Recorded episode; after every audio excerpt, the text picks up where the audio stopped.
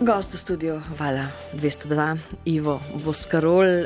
Z odločitvami vi nimate težav, ne? Pravzaprav, ko nekaj rečete, to je to. In tudi, ko sem vas vprašala za tri glasbene želje, ste jih izstrelili.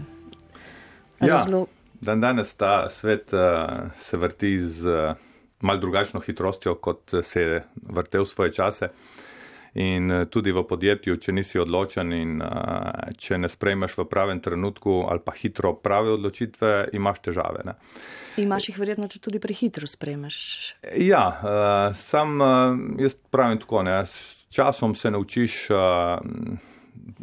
živeti in razmišljati na ta način. Ne. Veste, pri nas je tako, da zjutraj doskrat ne vemo, na kakšen način bomo delali popovdne ali pa opovdne.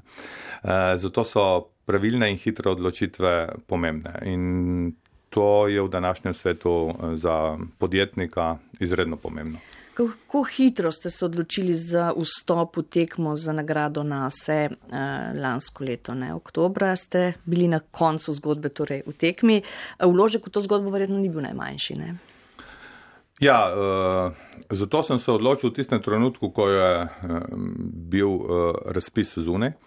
No, jaz moram povedati uh, mogoče mal uh, zgodbe, ki je bila zatem. Mi smo predtem že 2007-2008 zmagali na enem podobnem, uh, netko odmevnem nasilnem tekmovanju. In ko smo se potem po zmagi zvečer pogovarjali z organizatorji, sem rekel, da to, kar oni delajo, ni več rekel, velika motivacija ne, za, za letalstvo, da je treba narediti uh, tekmovanje oziroma izziv, uh, ki bo v tistem trenutku, ko bo objavljen, uh, nedosegljiv, ker drugače so cili preniski. Ne. In sem rekel, da je treba postaviti temelje v letalstvu na, na višji nivo. Danes, če letimo, vem, Eh, s 30 litri na uro ali pa s 25 litri na uro, to ni noben izziv. Ne? Je treba postaviti vem, izziv na, na 5 evrov, recimo na, na, na 100 km ali pa na 1000 km. Vem, mislim, uh, izzive, ki so, ki so mal višji. Če vam povem, da v tem trenutku, kljub vsemu denarju, ki ga ima avtomobilska industrija in ki ga vlaga v električna vozila, še vedno ni na trgu nobenega avtomobila, ki bi lahko štirpotnike, s hitrostjo 107 mil, to je 200 na uro, pripeljal nekaj 100 km daleč. Ne. V tem trenutku je naše letalo eh, pred celotno avtomobilsko industrijo, še vedno. E, to je bila takrat znanstvena fantastika, v tem trenutku še vedno znanstvena fantastika. E, upam pa, da ne bo več dolgo znanstvena fantastika, ker e, jaz mislim, da si vsi želimo čistejšega javnega prevoza, hitrejšega javnega prevoza in pa seveda cenejšega javnega prevoza.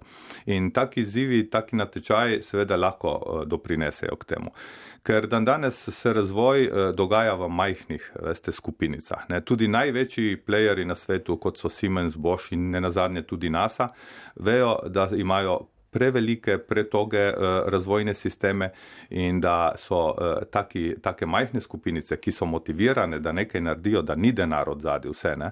ker mi ne na zadnje smo v ta projekt vložili več kot tisti milijon tristo, kolikor smo dobili, ne? ampak uh, to pomeni izziv, ker dan danes, uh, zlasti mladega ne kupite s plačo. Ne? Seveda plača je pomembna zato, da normalno živimo, vendar danes mladi hočejo izziv, hočejo nekaj narediti, kar še drugi ni naredil uh, hočejo biti ponosni na to, kar delajo, hočejo s ponosom povedati, kje so v službi. Uh, in če si uspete narediti okrog sebe tako ekipo, potem ni nič nemogoče. Ne? Moram pa reči, da tudi veliki igravci vidijo, eh, da se bo eh, na letalstvu moralo nekaj zgoditi na letalskem področju. Ne na zadnje, naslednji teden oziroma če 14 dni prihaja k nam eh, vodstvo razvoja Siemensa, da bi skupaj šli v, v nek projekt hibridnega pogona, ki bi lahko bil osnova tudi za večja letala. Ne? Tako da jaz mislim, da je prišel čas, ko bomo v letalstvu lahko začeli tudi govoriti o realnejših zmožnostih električnega in pa tudi verjetno drugih pogonov. Verjamete v sonce ne? in njegovo energijo? Ja, eh, gledajte, sej ne na zadnje, eh, obnovljive vire, eh, obnovljive energije so vse, ne, sej ne na zadnje tudi nafta se obnavlja, ne.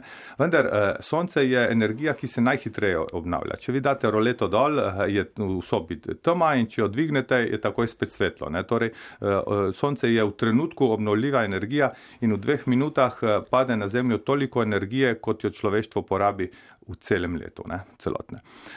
Zato sem pristaš tega, da seveda elektriko pridobivamo iz sonca.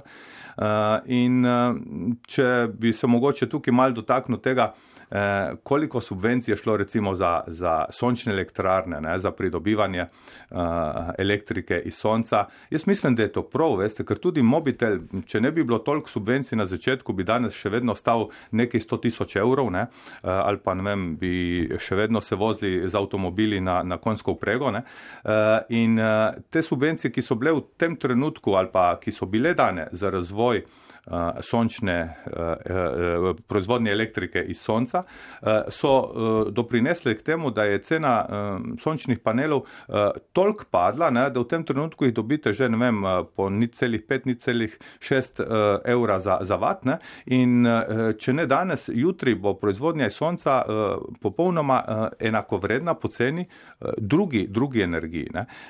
In glede na to, da so cel, cel, cela področja na svetu, ne, kjer bi lahko proizvajali uh, sončno energijo oziroma elektriko iz sonca, uh, brez da bi vem, uh, ško, škodili naravi. Uh, potem je seveda sonce ena od, od možnosti, v katero jaz verjamem. Vse, kar se mora zgoditi, je to, da bomo naredili neke vrste internet, če lahko temu rečem, energijski internet za, za prenos energije, da jo bomo lahko selili iz osončenega dela zemlje tudi na osenčene. To je pa sveta nov izziv.